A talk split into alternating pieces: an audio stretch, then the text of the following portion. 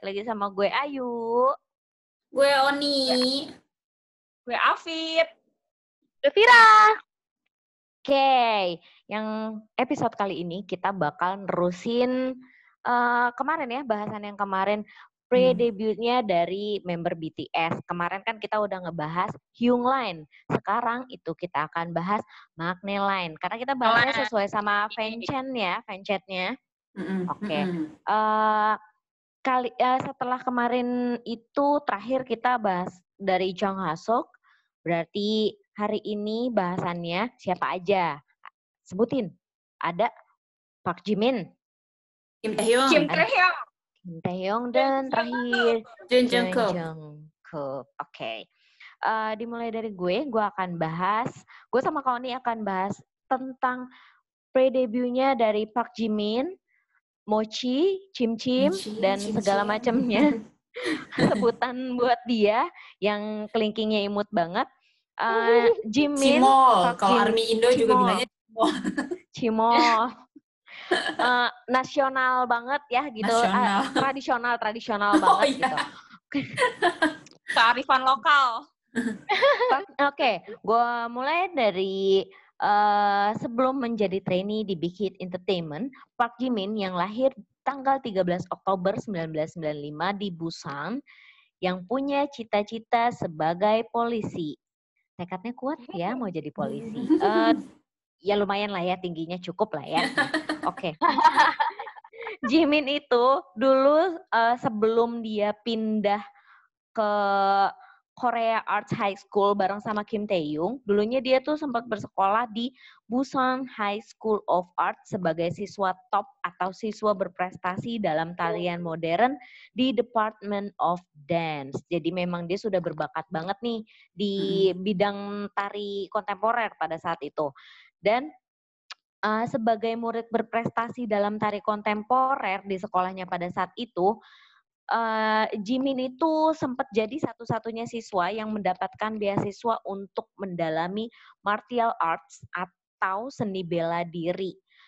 Eh, tepatnya waktu itu kalau nggak salah, uh, gue nggak tahu nih ya, ini tepatnya di mana antara Hong Kong atau China gitu.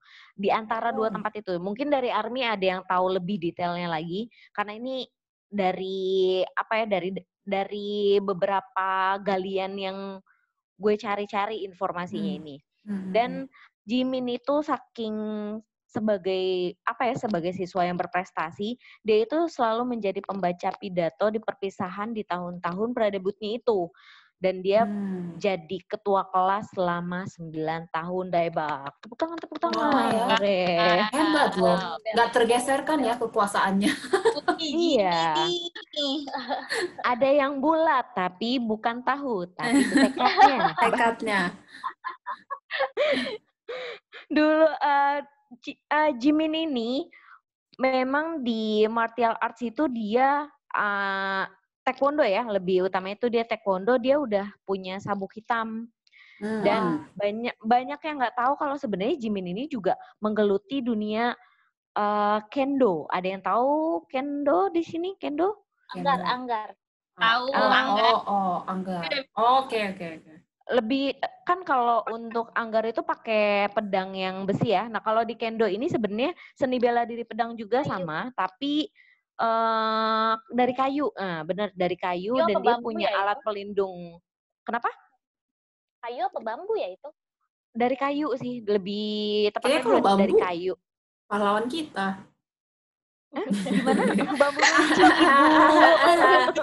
Udah ketularan jin, garing. itu bambu banget. ibu. Oh iya lupa. Oke, eh, Jimin ini eh, dia latihan kendo atau berlatih kendo tuh sebenarnya nggak sebentar loh. Selama kurang lebih tujuh tahun, Jimin benar-benar menggeluti dari kendo ini dia di usianya kalau nggak salah pada saat dia masih SMP dan dia sebelumnya tuh pernah ngomong sama ibunya tuh pengen jadi ahli pedang terbaik di dunia. Wih, Alasannya adalah ahli pedang. dia pengen banget jadi ahli pedang karena dia suka banget anime One Piece. Tahu kan yang Oh, One, One Piece yang bajak Iya, laut iya. itu? Ah, Nah, ah, ah. di sini tuh karakter favoritnya Jimin itu Zoro, seorang ahli pedang yang jadi salah satu kru kapal temennya Luffy. Eh, Luffy itu Mm. karakter utama dari One Piece itu sendiri. Maka dari itu dia dia bener-bener tuh pengen banget latihan eh apa ya latihan pedang lah gitu dan dia memilih kendo. Dan Jimin pada akhirnya merubah mimpinya mau menjadi polisi, mau menjadi ahli pedang. Tapi setelah melihat penampilan Rain, dia tuh langsung terinspirasi pengen jadi penyanyi dan penari profesional. Siapa sih yang nggak kenal Rain ya? Di Yes. Indonesia aja Rain. pun dulu tuh sempet membooming banget dari Full House, dramanya Full dia kan. Full House. Mm. ya. Dia termasuk Dan- generasi idol pertama nggak sih atau kedua ya? Iya betul. Pertama ya? Rain itu yang awal-awal. Awal ya? Iya zaman-zaman TVXQ waktu itu Hmm, hmm, Baik. hmm. naik-naik. Xinhua kali ya, seangkatan. Oh iya iya iya benar.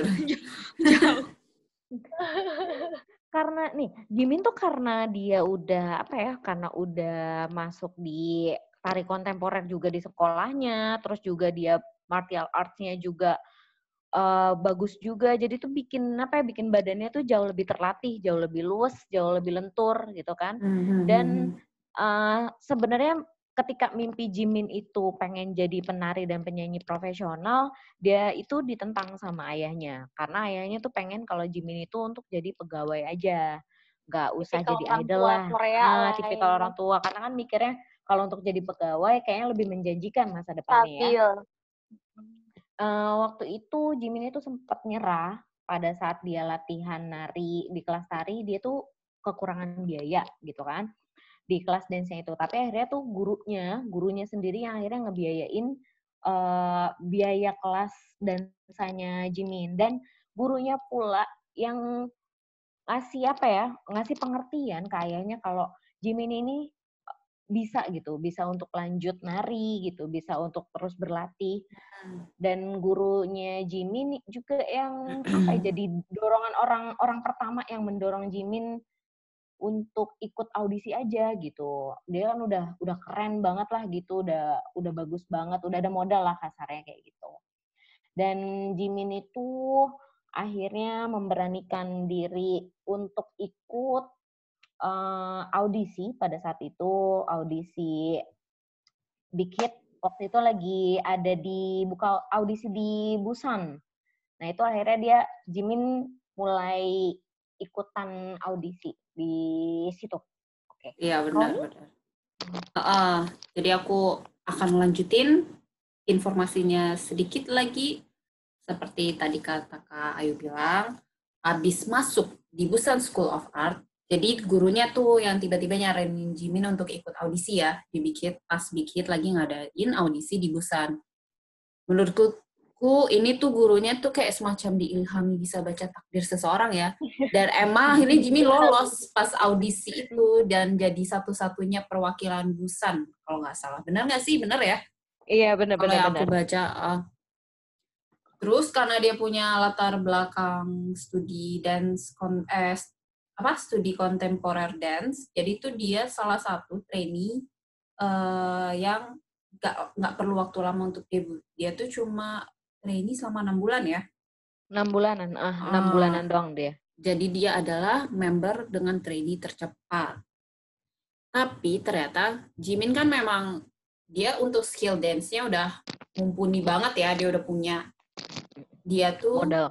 eh, eh, dia tuh kalau untuk vokal karena katanya dia masih awam juga masih pemula, dia tuh ternyata katanya eh, setiap habis latihan sama member-member lain, dia tuh selalu ngasih ekstra waktu untuk latihan sendiri di studio karena dia ngerasa kalau dia tuh ternyata masih banyak ketinggalan sama member-member lainnya.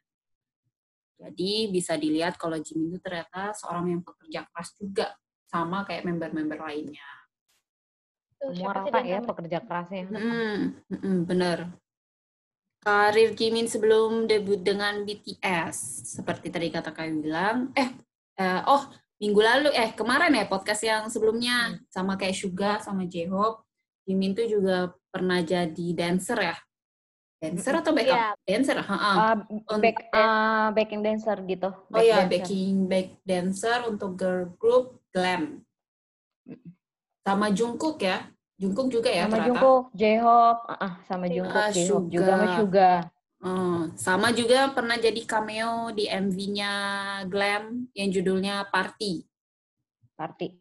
Yes. Ah, Oh Itu iya, lucu itu sih. dia masih Aku sempat lihat. eh, dia masih iya masih masih cabi Cabi pipi ya. masih kecil pada lihat banget. itu siapa? Dan itu lucu sih di situ dia actingnya. Yang di balkon itu ya. Iya.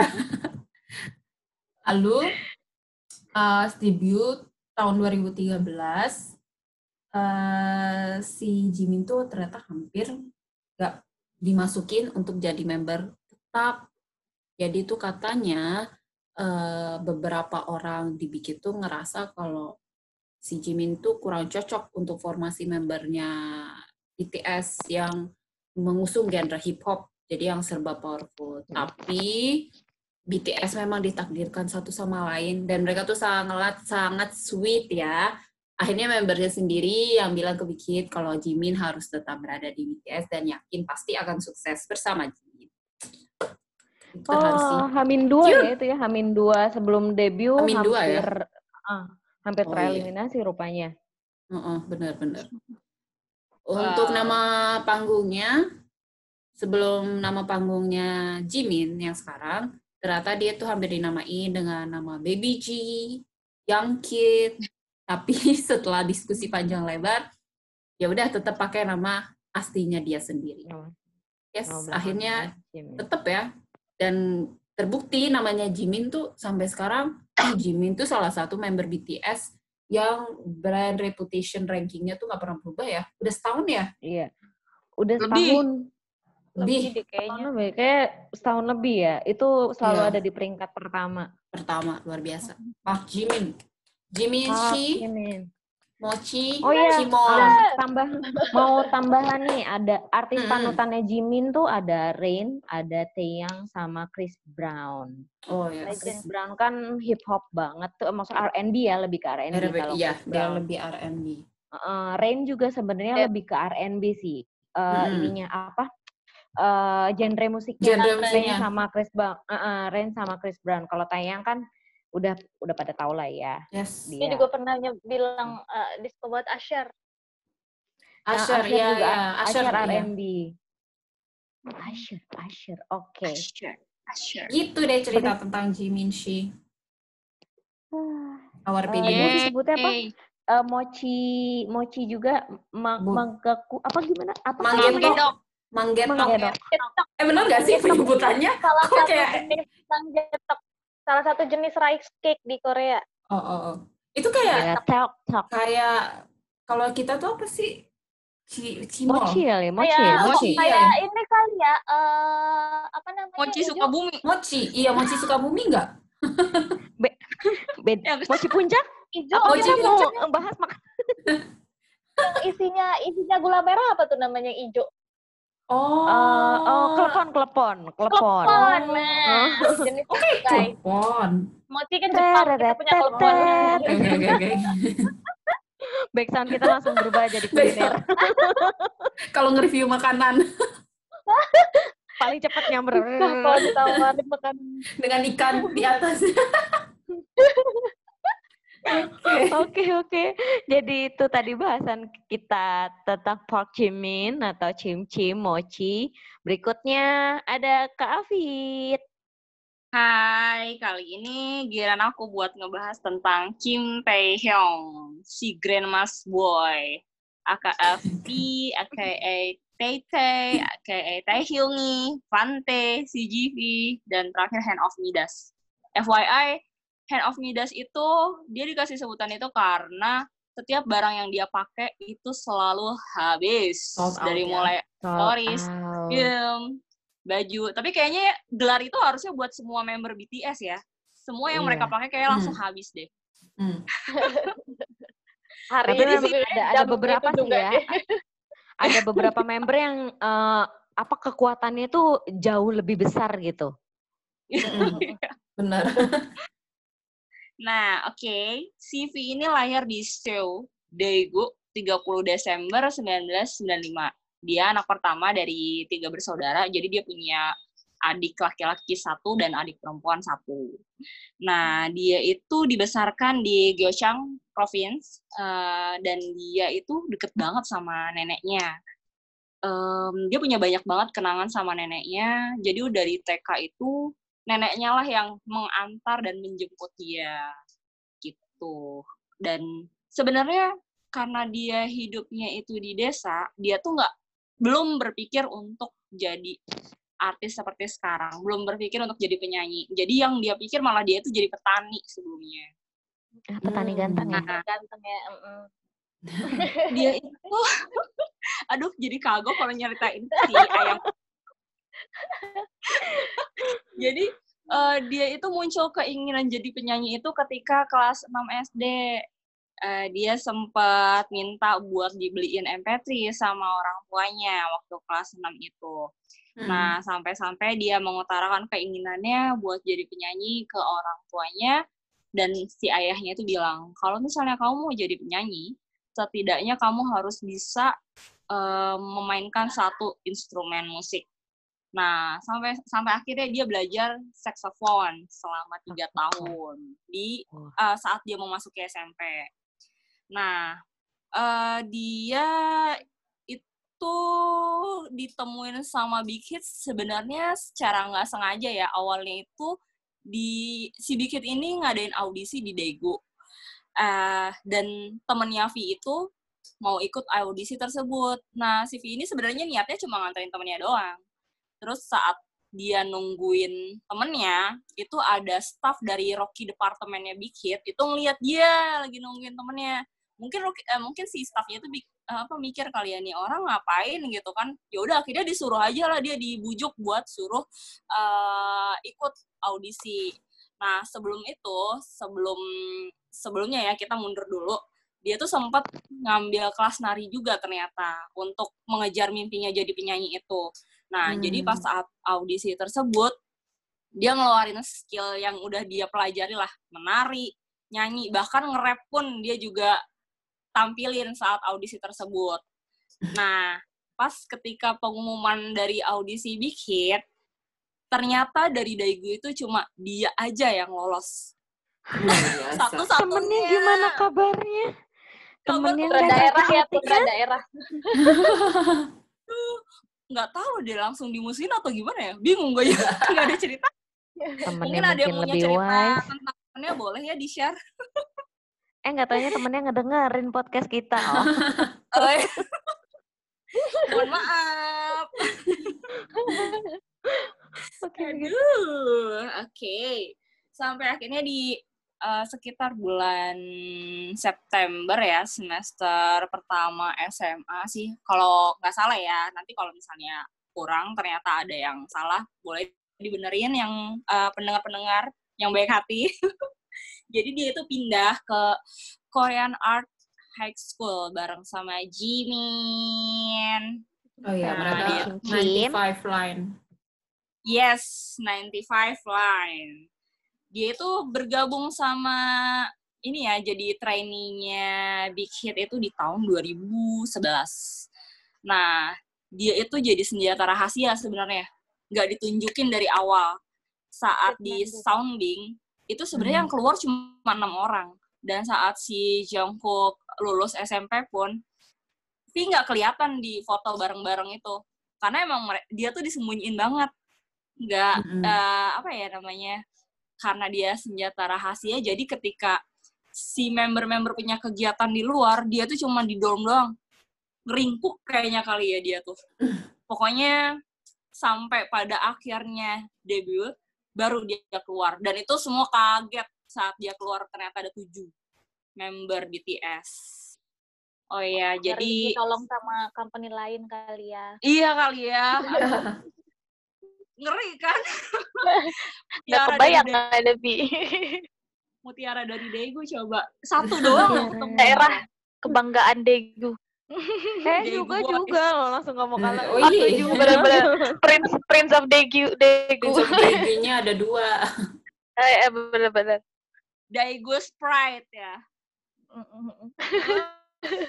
uh, CV itu sebenarnya waktu debut itu uh, sebelum dia eh, apa sih namanya debut, dia itu sempat dicariin nama panggung, suruh milih antara Lex, Six, atau V. Tapi dia lebih ke V karena itu ber- eh, berarti victory. Jadi dia pakai nama V sampai sekarang. Entah itu nggak Six Flags itu apa nggak ngerti deh. Buat untung, apa? untung nggak Lex sih. Kalau di Indonesia Lex, Lex, Lex gitu kan. Yo Lex, yo Enggak, gue gak nyebutin. Gue gue bilangnya siapa tahu di kalau orang Indonesia nyeple, apa plesetin Lex gitu kan Oh, kacau. iya, bisa jadi, bisa jadi ya, iya. Mbak. maaf. V aja victory. Yes, udah pas lah ya. Iya udah udah udah cocok lah ya. Nah awalnya itu dia tadinya itu mau ditaruh di repline loh, karena dia suaranya kan ya bariton, husky gitu ya.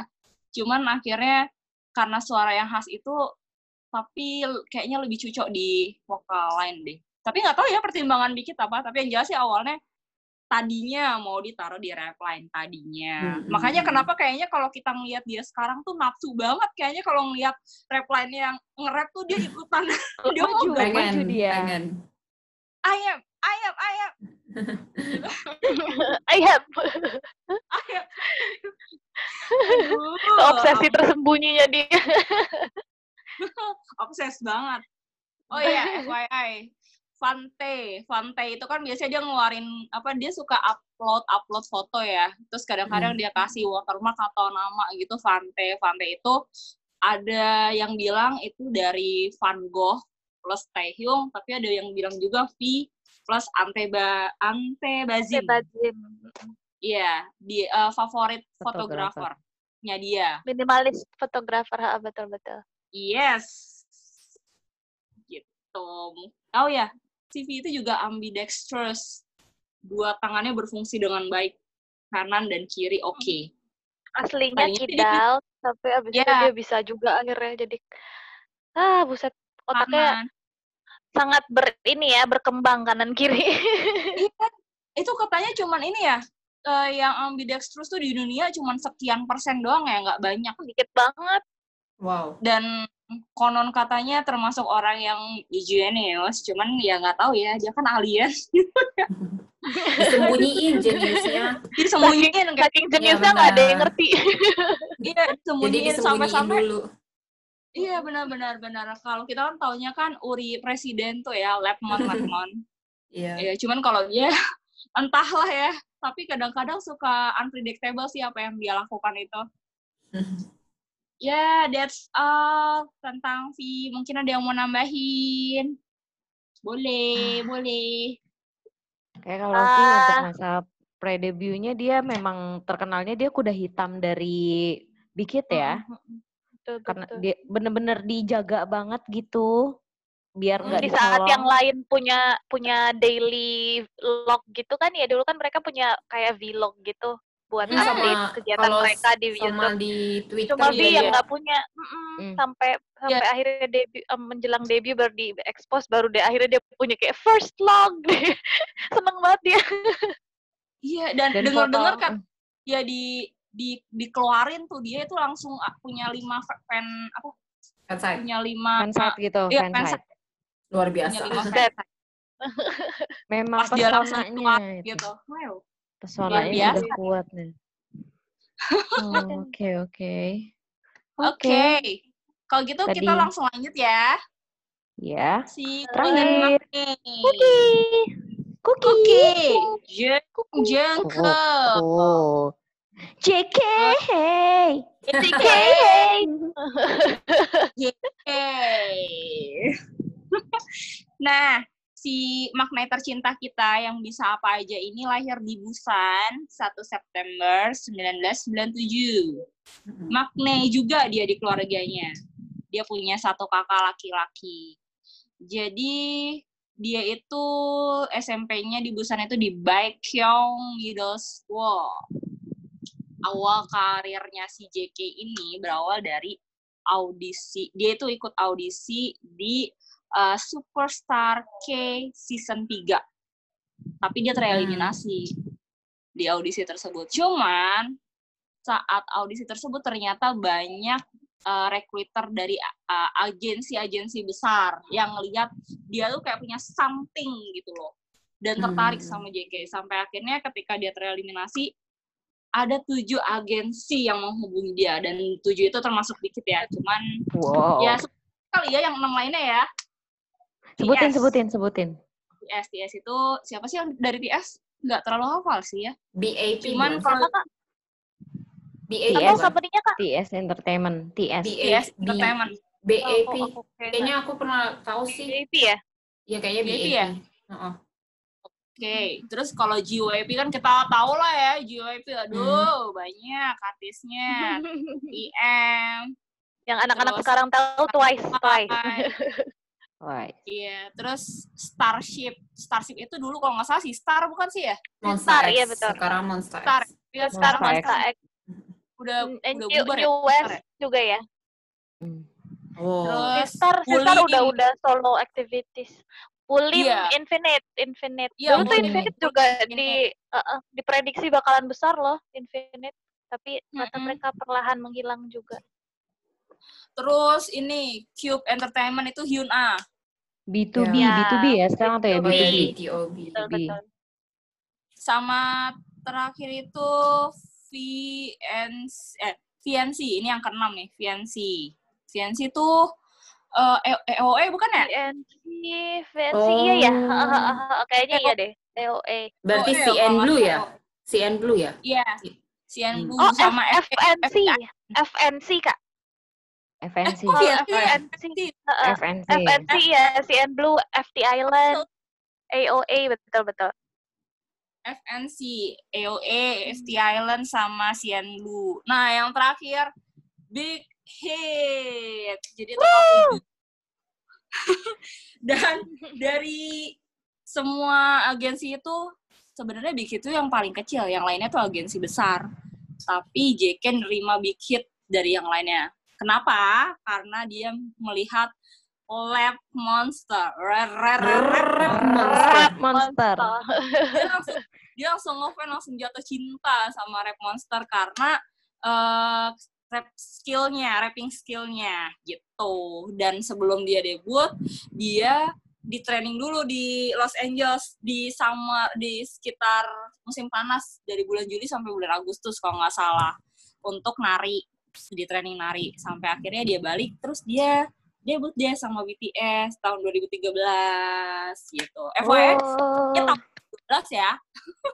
Takutnya Hmm. dikiranya trainingnya sampai dia mau debut lagi. Cuma bentar. Oh. gitu. Itu. Mungkin ada yang mau nambahin dari JK. Eh, aku tambahin dikit ya. Jadi tuh Boleh. dulu pertamanya banget Jungkook itu eh pertama banget adore artis tuh sebenarnya GD, GD dari Big Bang. Jadi dari Big Bang. Jadi waktu itu tahun 2009 dia tak masih umur 11 tahun dia tiba-tiba denger lagunya GD terus jadi kayak eh, karena dia suka akhirnya dia ngeliatin video, music videonya terus kayak eh, akhirnya karena dia admire jadi itu sebenarnya eh, sifatnya Kuki pada tahu semua kan ya dulunya waktu kecil dia pemalu banget parah. Tapi dia Hmm. punya punya skill observasi yang tinggi. Makanya dia selalu dia dia karena saking pemalunya dia tuh jarang yang benar-benar datengin Hyungnya. Kayak Hyung gimana sih caranya gini gimana caranya gini? Tapi instead of doing that dia lebih ke ngeliatin merhatiin terus tiba-tiba bisa aja gitu. Makanya dia terkenal golden magne kan ya bisa semuanya perasaan Iya, bisa nggak ada deh semuanya. dia Ja- nggak bisa Jangankan itu, gue pernah baca katanya kalau mau mandi aja nunggu hiungnya pada tidur Nunggu dulu. yang pada mandi dan Malah makan ya, biasanya banget. mandi dan makan. Eh, ma- pemalu banget Oh. parah bahkan nunggu semuanya tidur bener-bener kayak Iya. Iya. dia baru masuk ke kamar mandi Benar, Be- benar, benar. eh, gitu JK ini berarti terinspirasi ya, beda ya, terinspirasi sama Parah. copycat gitu kasarnya. Terinspirasi dari GD, bukan mengcopycatkan GD intinya. Iya betul. Dia tuh dia tuh Ya, kalau ya. udah kagum sama orang dia langsung ngikutin, nge-imitate apa pun yang dia lakukan termasuk eh, skillnya RM sama Suga nulis lagu, produce lagu, Hmm. terus dance-nya J-Hope sama Jimin, terus kalau dari V tuh dia belajar stage presence dan ekspresinya V yang parah ya kalau lihat di stage. Kemudian sama satu lagi dari Jin tuh nggak apa? Playful nature-nya. Oh, pantesan makanya mereka sering berantem ya. Ah, Teman berantem. Tom Makanya Jerry. tuh pernah, pernah bilang bahwa dia tuh sebenarnya representasi representasi sifat enam Hyungsnya yang lain jadi satu. Dari itulah Jongkook. Iya benar, benar. Luar biasa. Kelinci kita, kelinci kita. Aduh. Dede bayi, dede bayi. What Jungkook see, what Jungkook do ya. Iya betul Ya betul. ya benar. Itu itu Langsung yang bisa. Jadi it- ada yang mau ditambahin lagi? Itu sih. Oh iya, dulu Jongkook saking karena mulainya dia masih kecil banget, dia sering eh, sering dibawa sama Jin ke rumahnya buat buat Oh, iya. liburan sama keluarganya. Karena dia nggak tega ngeliat Jongkook sekecil itu. Pisah Oh. dari orang tua jauh banget dari Busan. Sering dibeli makan juga sama si Jin Hyung. Heeh, Oh. parah. Apakah tiba-tiba Tapi- otak kalian berandai-andai? Itu wajar. Sebagai fans berandai-andai wajar. Tapi menurut Oke. menurut si JK, JK lah yang merawat Jin Hyung ya, bukan Jin Hyung yang merawat Iya, JK. betul betul. Karena dia gue datang ke Seoul umur 15 tahun buat nge- ngerawat lo yang